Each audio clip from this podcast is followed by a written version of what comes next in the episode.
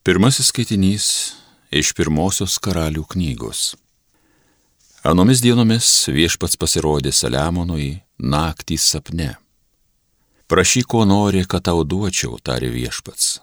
Saliamonas atsakė, o viešpatie mano dieve, tu padarėjai savo tarną karaliumi mano tėvo Dovydo vietoje, nors aš esu tik jaunas vaikinas.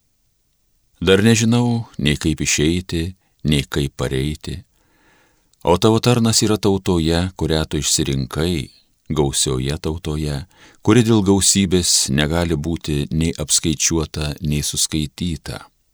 Todėl suteik savo tarnui imlę širdį, kad galėtų valdyti savo tautą ir suprastų, kas gera ir kas pikta. Juk kas kitaip gali valdyti šią tavo gausią tautą. Saliamono prašymas rado malonę viešpaties akise. Dievas jam tarė, kadangi tu to prašiai, neprašiai nei ilgo gyvenimo ir turtų savo, neprašiai nei savo priešų gyvasties, bet prašiai savo imlaus išvalgumo, kad galėtume žinoti, kas yra teisinga, dabar aš tau įvykdau, kaip prašiai. Iš tikrųjų, suteikiu tau išmintingą ir išvalgę širdį. Tokio kaip tu nebuvo prieš tave ir toks kaip tu nekils po tavęs. Tai Dievo žodis.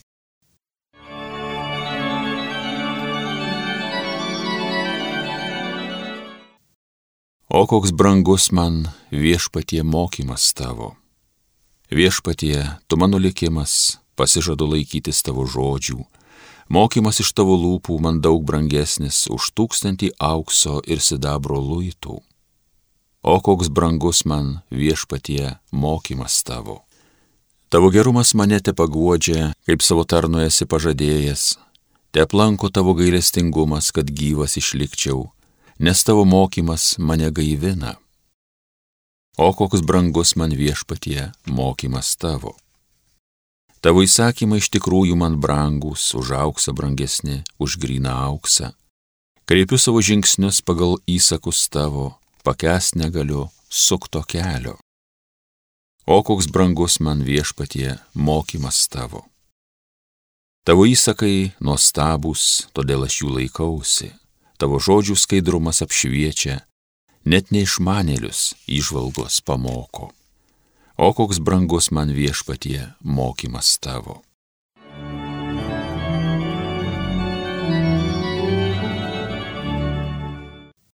Antrasis skaitinys iš Šventojo Paštalo Pauliaus laiško romiečiams. Broliai ir seserys, mes žinome, kad viskas išeina į gerą mylintiems Dievą, būtent jo valia pašauktiesiems, o kuriuos jis iš anksto numatė, tuos iš anksto ir paskyrė tapti panašius į jo sūnaus pavydalą, kad šis būtų pirmagimis iš daugelio brolių. Kuriuos jis iš anksto paskyrė, tuos ir pašaukė kuriuos pašaukė, tuos ir nuteisino, kuriuos nuteisino, tuos ir išaukštino. Tai Dievo žodis. Alleluja, alleluja, alleluja. Šlovėtau tėvę dangaus ir žemės viešpatie, kad karalystės paslaptis apreiškiai mažutėliams.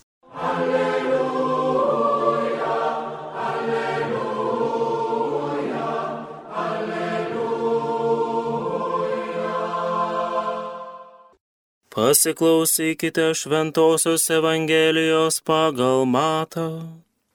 Jėzus bylojo minioms. Su dangaus karalystė yra kaip su dirboje paslėptų lobių. Atradęs jį, žmogus niekam nesako.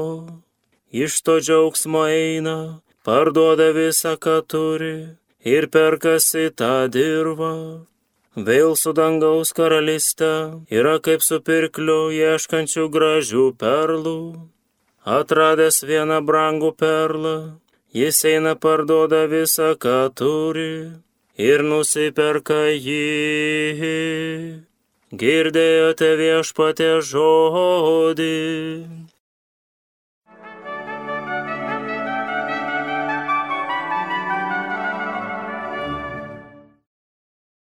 Mėly Marijos radio klausytojai, visi žinome, kad kaime, dirbant žemę, rūpinantis gyvuliais, labai daug sunkių darbų. Ir Jėzus tai matė savo vaikystėje ir jaunystėje. Tada Izraelija žemė dirbo mediniais plūgais, kuriuos tempė asilai ar jaučiai. Todėl Jėzus ir ima palyginimą apie dirbą iš kasdieninio darbo ir sako, dirboje paslėptas lobis. Jėzaus žodžiais tariant, dirba tai Dievo karalystė. Pats Dievas lypi kasdienėme mūsų darbe. Jėzus neliepia mums pabėgti iš kasdienybės, bet turime kantriai dirbti smulkius, sunkius kasdienybės darbus dar daugiau. Kasdienybėje randame daug lobių, net savo būties, savo asmens dievišką pagrindą randame. Tai reikia tik atidžiai įsižiūrėti. Kasdienybėje rasime daugybę stebuklų. Visų pirma, gamtoje stebuklai. Štai ant kalnelių pasėti javai, tokie žali, tokie vešus. O štai vieną rytą nebegali atsistebėti visos viršūnės nusvyrė sunkiomis varpomis žemyn. Tiesiog nuolat vyksta stebuklai. Visa gamta pilna stebuklų. Juose, tuose stebukluose slypi Dievas ir per juos mums kalba. Taip, taip, visuose žemės stebukluose matome Dievą, tą mums brangiausią lobį. Garsusis poetas Rilke sako, jei tau kasdienybė atrodo varginga ir sunki, nesiskūsk, nedėjuok, skuskis tik tuo, kad nepakankamai esi stiprus, todėl nepastebi kasdienybės stebuklų. Kitas kelias. Būk rūpestingas kasdienybės smulkmenuose, kurios sudaro visą tavo kasdienybę. Dideli dalykai visada slypi mažuose. Dailininkui Mikelandžiaui kalant statulą, vienas malsuolis viską smulkiai apžiūrėjo, stebėjosi, kad dailininkas net suprakaitavęs dirba. Ir tas žmogus vėl atėjo po trijų mėnesių ir sako, kad nieko nepadaryta dailininkė. Mikelandžiaus jam atsakė, klystate, Labai daug pakeičiau šioje skulptūroje. Štai čia kiek nuėmiau, čia išlyginau, išryškinau visus raumenis, padariau aiškesnius ir kiekvienam veido bruožui daugiau švelnumo, padariau lūpas išraiškingesnės. Bet tai tik smulkmenos, sako lankytojas. Gali būti, kad ir smulkmenos, bet neapgaudinėkite savęs. Iš smulkmenų susidaro tobulumas, o tobulumas juk jokia smulkmena. Rūpestingumas kasdienybės smulkmenuose gyvenimą padaro tobulą. Imkim kasdienybės kokie netobulumai, trūkumai, kaip mąstantis žmogus reaguoja, tyrinėja savo sąžinę, ir atlieka išpažinti. Tikras tikintis nuolat išpažįsta ir nedidelės kasdienės nuodėmės. Nes nekreipiant į jas dėmesio, jos virsta didelėmis. Trečias dalykas, kurio dėka savo kasdienybės gilumoje galime rasti lobį, tai sunkumai. Prisiminkime tą artojų su mediniu plūgu.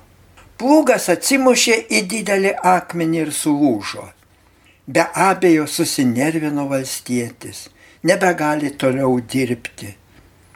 Bet įsivaizduokit, jis atverčia akmenį ir žiūri, kasgi po jos lypi, o po akmeniu jis rado paslėptą lobį. Ką mums sako toks pasakojimas?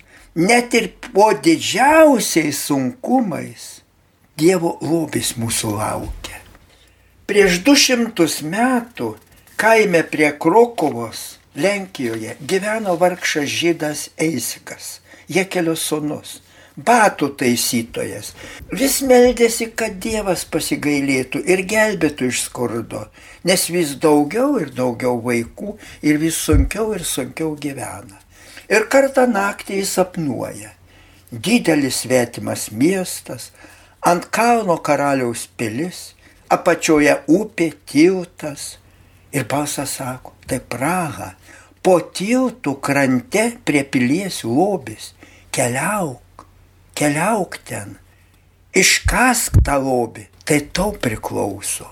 Atbūdo masto. Niekai svajonę susapnavau, bet kitą naktį vėl tas pats sapnas, trečią naktį, ketvirtą įleidosi įsikelę.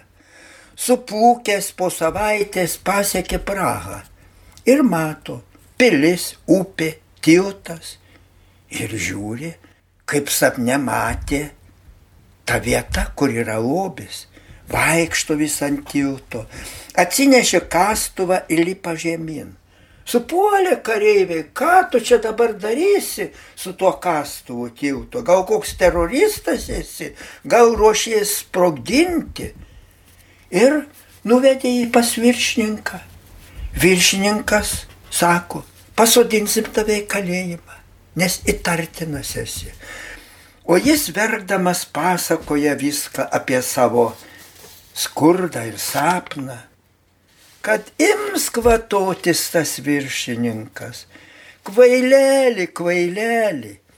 Jei aš būčiau toks kvailas kaip tu, šiandien turėčiau būti kažkokiame kaime prie Krokuvos. Jau kelias savaitės sapnuoju ten, po žydo eiseko, Jekelio sunaus krosnimi yra man skirtas lobis. Sapne men vis sako ir sako, keliauk ir pasimk tą lobį. Kokia kvailystė tas sapnas. Juk prie Krokuvos šimtai žydų, pusė jų esekai. Negi visų krosnis greusiu, durnelį. Ir tautai prisisapnavo keliauk namo. Nusikvatojo dar kartą, pavadino durnelio, o eisikas nusilenkė tam viršininkui, kad jį paleidžia. Ir širdie džiaugiasi. Ar čia mane pasakė paslapties? Parvažiavo namų, išardė pečių ir rado namie lobį. Pasistatė naują namą ir net pastatė maldos namus, Jėkelio maldos mokykla. Ta istorija kartą papasakojau vaikams. Vienas vaikas ir klausė, ar taip tikrai buvo, ar tai tiesa, gal tai tik pasaka? Aš atsakiau, taip tai tiesa. Tas vaikas vėl klausė, o kas čia tiesa? Ogi tokia brangusis tiesa. Ten, kur tu gyveni, yra paslėptas lobis tavo gyvenime, tavyje yra lobis, lypi lobis. Nes visi jų girdėjome, įsidėmėjome, Jėzus tuo lobiu vadina Dievo karalystę. Ir girdėję esam apaštalo šventąją Paulių, kad kiekviename mūsų yra Dievo karalystė, Dievo statyba. Ir nuostabu, kad žmonės pajunta tą Dievo karalystę ir nelaimėse, skausmuose, lygose žmonės randa tą lobį, Dievą. Štai anglų televizija kalbino vėžių sergančius. Kaip jie ištveria tuos sunkumus. Tarp jų 35 metų moteris, trijų vaikų motina. Iš tai, ką jis sako, nuo tos dienos, kai man rado vėžį, kai pajutau artinantis mirti, kasdien melžiuos. Melžiuos, kad Dievas leistų dėl vaikų dar kiek pagyventi. Ir gyvenu. Kiekvieną rytą atbūdusi džiaugiuosi, kad vėl matau vaikus. Bet svarbiausia, per lygą, per vėžį radau Dievą. Visai kitaip dabar suprantu gyvenimą. Ir gerai žinau, kad vis matau vaikus ir net matysiu juos amžinai, kai jau numirsiu.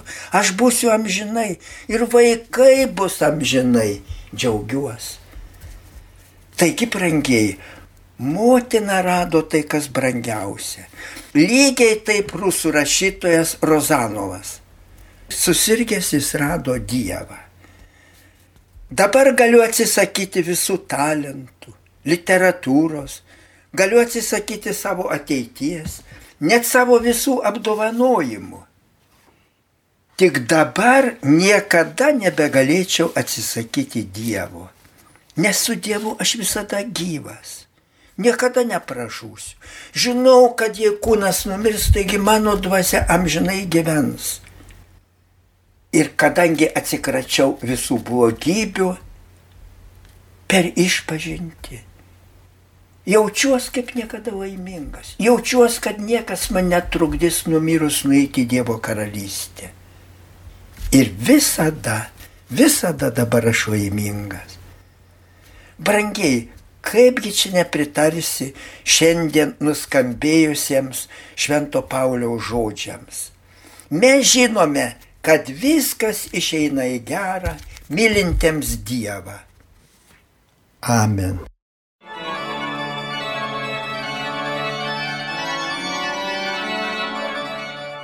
Homilyje sakė panevižio vyskupas emeritas Jonas Kauneckas.